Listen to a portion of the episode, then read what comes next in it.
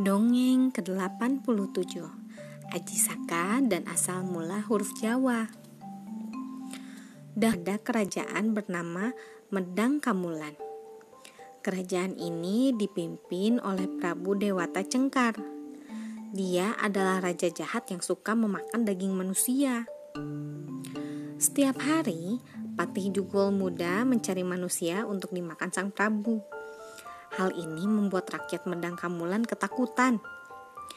Diam-diam mereka mengungsi karena takut dimakan sang Prabu. Kabar kejahatan Prabu Dewata Cengkar akhirnya sampai ke telinga Aji Saka.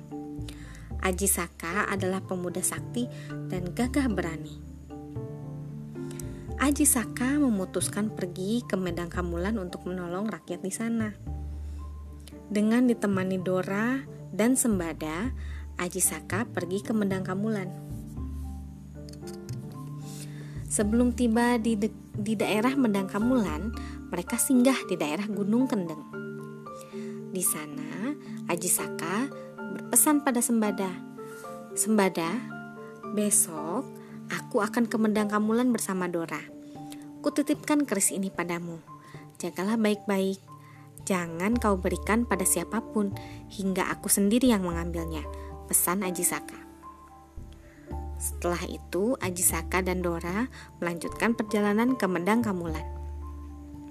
Setibanya di sana, mereka segera pergi ke istana menemui Prabu Dewata Cengkar.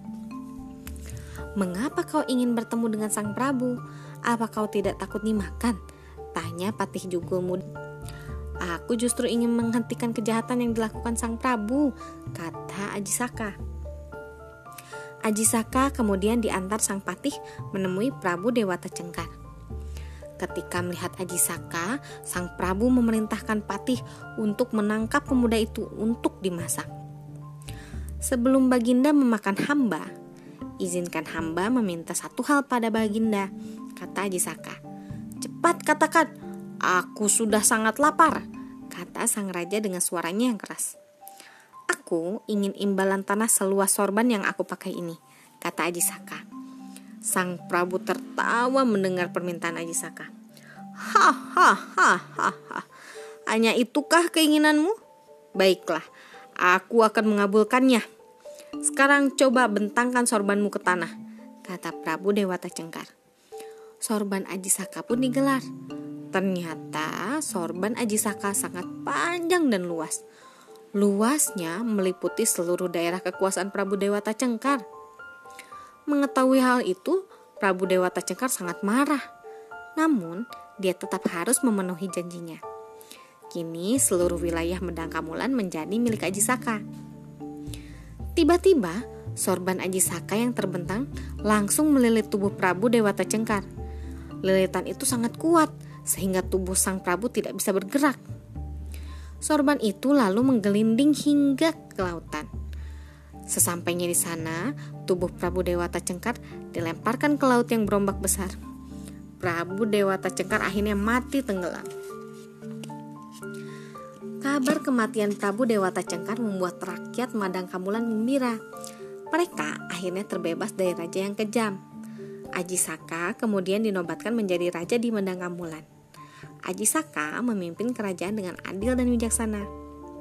Suatu hari, Aji Saka teringat dengan keris yang dia titipkan kepada Sembada. Aji Saka pun menyuruh Dora pergi ke, ke Gunung Kendeng untuk mengambil keris itu. Dora, pergilah kamu ke Gunung Kendeng. Tolong ambilkan kerisku yang kutitipkan pada Sembada. Katakan pada Sembada kalau aku yang menyuruhmu, kata Aji Saka. Dora pun pergi ke daerah Gunung Kendeng untuk menemui Sembada. Sesampainya di sana, Dora lalu menyampaikan pesan Aji Saka untuk mengambil keris pusaka. Namun, Sembada tidak bisa memberikan keris itu pada Dora. Ia berjanji pada Aji Saka untuk tidak memberikan keris itu kepada siapa pun. Keris itu hanya boleh diambil Aji Saka sendiri. Maaf Sembada, aku diminta Aji Saka untuk mengambil keris miliknya. Aku hanya melaksanakan amanat dari Aji Saka, ucap Dora. Akhirnya, Sembada dan Dora bertarung untuk melaksanakan amanat yang diembannya. Mereka sama-sama kuat dan tangguh. Dalam perkelahian ini tidak ada yang mau mengalah. Hingga akhirnya, Sembada dan Dora mati bersama. Sementara itu, Aji Saka sudah tidak sabar menunggu Dora yang tak kunjung datang. Aji Saka lalu menyusul ke Gunung Kendeng. Setibanya di sana, Aji Saka terkejut melihat Dora dan Sembada sudah meninggal. Aji Saka teringat pesan yang dia sampaikan kepada Sembada, supaya Sembada tidak memberikan keris itu pada siapa pun. Aji Saka merasa bersalah pada kedua sahabatnya. Untuk mengabadikan kesetiaan kedua sahabatnya, Aji Saka menulis deretan huruf di sebuah batu. Kemudian deretan huruf itu dikenal dengan nama Carakan. Susunan deretan huruf Jawa itu adalah Hana Caraka, Data Sawala, Pada Jayanya, Maga Batanga. Artinya adalah Hana Caraka ada utusan, Data Sawala pada bertengkar, pada jayanya sama saktinya, Maga Batanga mati bersama. Itulah peninggalan bersejarah yang ditinggalkan oleh Aji Saka. Sekian, terima kasih telah mendengarkan. Selamat malam.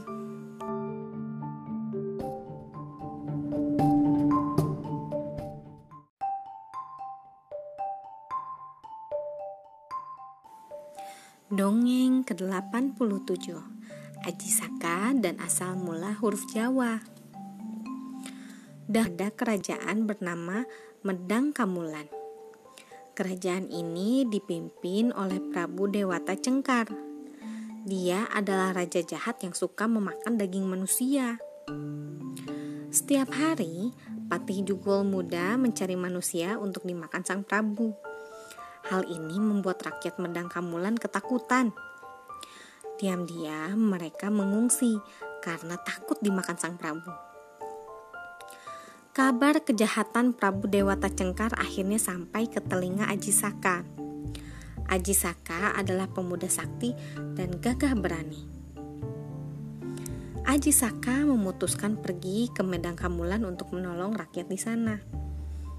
Dengan ditemani Dora dan Sembada, Aji Saka pergi ke Medang Kamulan. Sebelum tiba di, de di daerah Mendang Kamulan, mereka singgah di daerah Gunung Kendeng. Di sana, Aji Saka berpesan pada Sembada, "Sembada, besok aku akan ke Mendang Kamulan bersama Dora. Kutitipkan keris ini padamu. Jagalah baik-baik. Jangan kau berikan pada siapa pun hingga aku sendiri yang mengambilnya." Pesan Aji Saka. Setelah itu, Aji Saka dan Dora melanjutkan perjalanan ke Mendang Kamulan. Setibanya di sana, mereka segera pergi ke istana menemui Prabu Dewata Cengkar. Mengapa kau ingin bertemu dengan sang Prabu? Apa kau tidak takut dimakan? Tanya Patih Jugul muda. Aku justru ingin menghentikan kejahatan yang dilakukan sang Prabu, kata Aji Saka.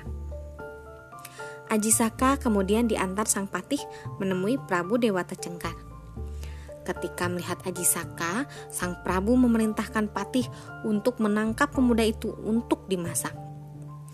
Sebelum Baginda memakan hamba, izinkan hamba meminta satu hal pada Baginda, kata Aji Saka. Cepat katakan, aku sudah sangat lapar, kata sang raja dengan suaranya yang keras.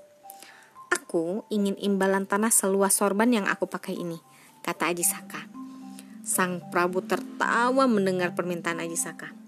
Hahaha, hanya itukah keinginanmu? Baiklah, aku akan mengabulkannya. Sekarang coba bentangkan sorbanmu ke tanah, kata Prabu Dewata Cengkar. Sorban Aji Saka pun digelar. Ternyata sorban Aji Saka sangat panjang dan luas Luasnya meliputi seluruh daerah kekuasaan Prabu Dewata Cengkar. Mengetahui hal itu, Prabu Dewata Cengkar sangat marah. Namun, dia tetap harus memenuhi janjinya. Kini seluruh wilayah Medang Kamulan menjadi milik Aji Saka. Tiba-tiba, sorban Aji Saka yang terbentang langsung melilit tubuh Prabu Dewata Cengkar. Lilitan itu sangat kuat sehingga tubuh sang Prabu tidak bisa bergerak. Sorban itu lalu menggelinding hingga ke lautan. Sesampainya di sana, tubuh Prabu Dewata Cengkar dilemparkan ke laut yang berombak besar. Prabu Dewata Cengkar akhirnya mati tenggelam. Kabar kematian Prabu Dewata Cengkar membuat rakyat Madang Kamulan gembira. Mereka akhirnya terbebas dari raja yang kejam. Aji Saka kemudian dinobatkan menjadi raja di Madang Kamulan. Aji Saka memimpin kerajaan dengan adil dan bijaksana. Suatu hari, Aji Saka teringat dengan keris yang dia titipkan kepada Sembada. Aji Saka pun menyuruh Dora pergi ke, ke Gunung Kendeng untuk mengambil keris itu. Dora, pergilah kamu ke Gunung Kendeng Tolong ambilkan kerisku yang kutitipkan pada Sembada. Katakan pada Sembada kalau aku yang menyuruhmu, kata Aji Saka. Dora pun pergi ke daerah Gunung Kendeng untuk menemui Sembada. Sesampainya di sana, Dora lalu menyampaikan pesan Aji Saka untuk mengambil keris pusaka. Namun, Sembada tidak bisa memberikan keris itu pada Dora. Ia berjanji pada Aji Saka untuk tidak memberikan keris itu kepada siapa pun keris itu hanya boleh diambil Aji Saka sendiri. Maaf Sembada, aku diminta Aji Saka untuk mengambil keris miliknya. Aku hanya melaksanakan amanat dari Aji Saka, ucap Dora. Akhirnya, Sembada dan Dora bertarung untuk melaksanakan amanat yang diembannya. Mereka sama-sama kuat dan tangguh. Dalam perkelahian ini tidak ada yang mau mengalah. Hingga akhirnya, Sembada dan Dora mati bersama. Sementara itu, Aji Saka sudah tidak sabar menunggu Dora yang tak kunjung datang. Aji Saka lalu menyusul ke Gunung Kendeng. Setibanya di sana, Aji Saka terkejut melihat Dora dan Sembada sudah meninggal. Aji Saka teringat pesan yang dia sampaikan kepada Sembada, supaya Sembada tidak memberikan keris itu pada siapa pun. Aji Saka merasa bersalah pada kedua sahabatnya. Untuk mengabadikan kesetiaan kedua sahabatnya, Aji Saka menulis deretan huruf di sebuah batu. Kemudian deretan huruf itu dikenal dengan nama carakan. Susunan deretan huruf Jawa itu adalah Hana Caraka, Data Sawala, Pada Jayanya, Maga Batanga. Artinya adalah Hana Caraka ada utusan, Data Sawala pada bertengkar, pada jayanya sama saktinya, Maga Batanga mati bersama. Itulah peninggalan bersejarah yang ditinggalkan oleh Aji Saka. Sekian, terima kasih telah mendengarkan. Selamat malam.